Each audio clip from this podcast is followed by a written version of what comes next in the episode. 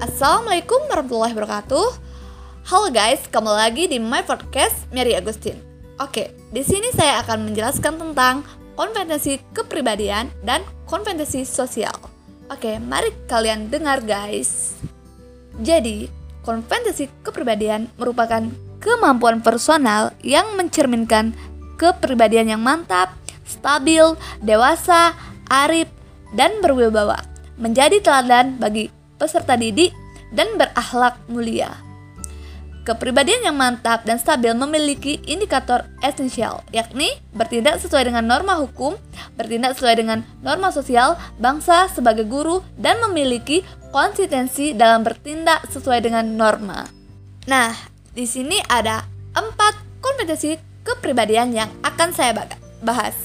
Yang pertama, A. Kepribadian yang dewasa memiliki indikator esensial, esensial yakni menampilkan kemandirian dalam bertindak sebagai pendidik dan memiliki etos kerja sebagai guru. Oke, selanjutnya yang B, kepribadian yang arif memiliki indikator esensial yakni menampilkan tindakan yang didasarkan pada kemanfaatan peserta didik, sekolah, dan masyarakat serta menunjukkan keterbukaan dalam berpikir dan bertindak. Selanjutnya yang C, Kepribadian yang berbawa memiliki indikator esensial, yakni memiliki perilaku yang berpengaruh positif terhadap peserta didik dan memiliki perilaku yang disegani. Oke, yang terakhir, kepribadian yang berakhlak mulia dan dapat menjadi teladan memiliki indikator esensial, yakni bertindak sesuai dengan norma religius, imam dan takwa, jujur, ikhlas, dan suka menolong dan memiliki perilaku yang diteladani peserta didik. Nah, itu ada empat kompetensi kepribadian. Dan juga di dalamnya juga diharapkan tumbuhnya kemandirian kemandirian guru dalam menjalankan tugas serta senantiasa terbiasa membangun etos kerja. Sehingga semua sifat ini memberikan pengaruh positif terhadap kehidupan guru dalam kesehariannya. Seorang guru harus mempunyai kemampuan yang berkaitan dengan kemantapan dan integritas kepribadian seorang guru, sehingga guru dituntut harus mampu membelajarkan siswanya tentang disiplin diri, belajar membaca, mencintai buku, menghargai waktu, belajar bagaimana cara be belajar bagaimana cara belajar, mematuhi aturan atau tata tertib, dan belajar bagaimana harus berbuat. Semua itu akan berhasil jika guru juga disiplin dalam melaksanakan tugas dan kewajibannya. Kemampuan pribadi meliputi Nah, di sini juga terbagi uh, bagaimana uh, kemampuan guru dalam mengajar siswanya.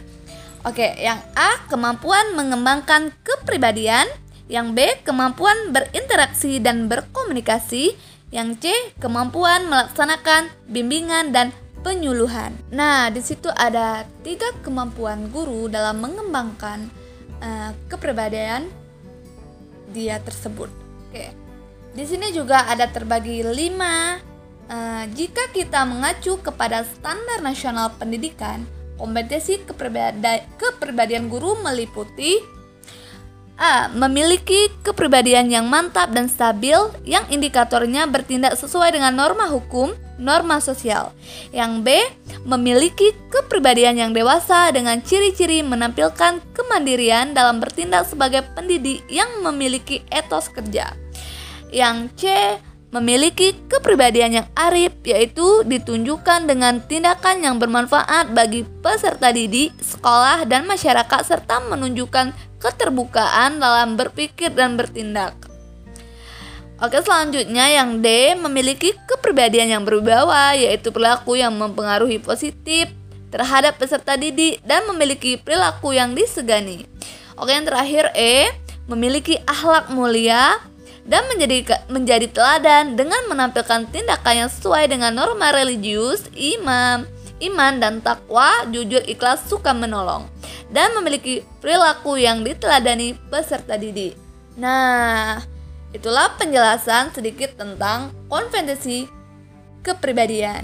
Oke guys, selanjutnya saya akan menjelaskan tentang kompetensi sosial.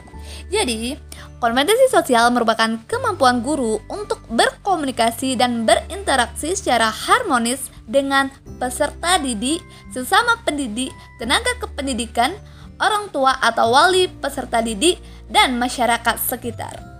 Jadi indikasinya, guru mampu berkomunikasi dan bergaul secara harmonis kepada peserta didik, sesama pendidik, dan dengan tenaga kependidikan serta dengan orang tua atau wali peserta didik dan masyarakat sekitar.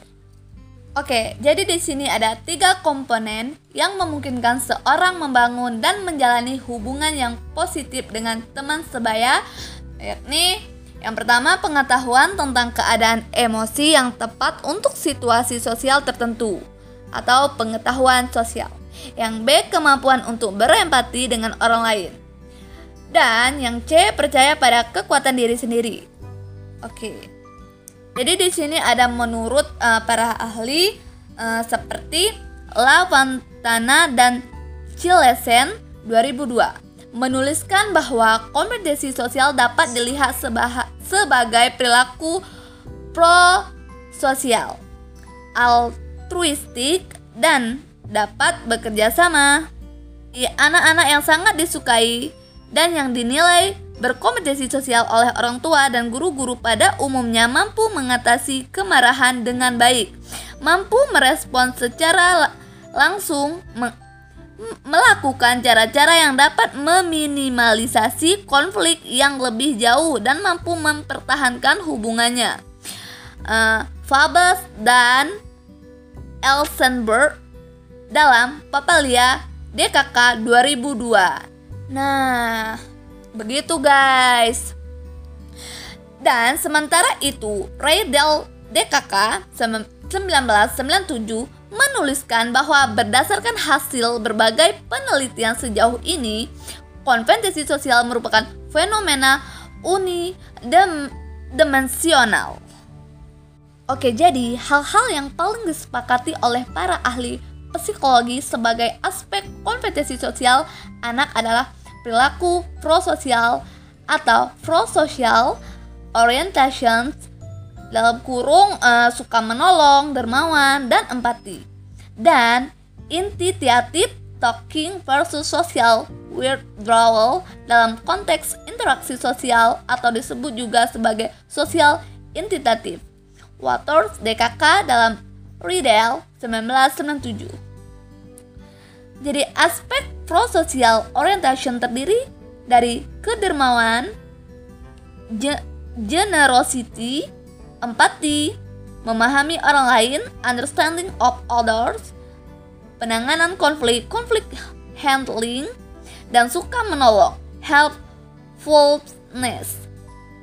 Oke, jadi berdasarkan uraian di atas bahwa aspek kompetensi sosial adalah aspek pro-social orientation perilaku prososial yang terdiri dari kedermawan, kedermawaan, kedermawanan. Maaf guys.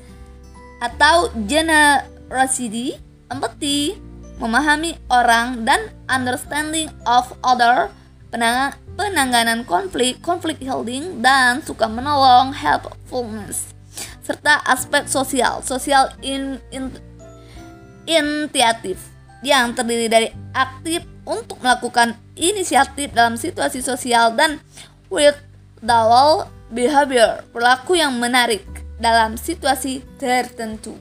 Oke okay guys, uh, itu sedikit informasi mengenai tentang kompetensi kepribadian dan kompetensi sosial. Oke, okay, tunggu podcast aku selanjutnya. Assalamualaikum warahmatullahi wabarakatuh.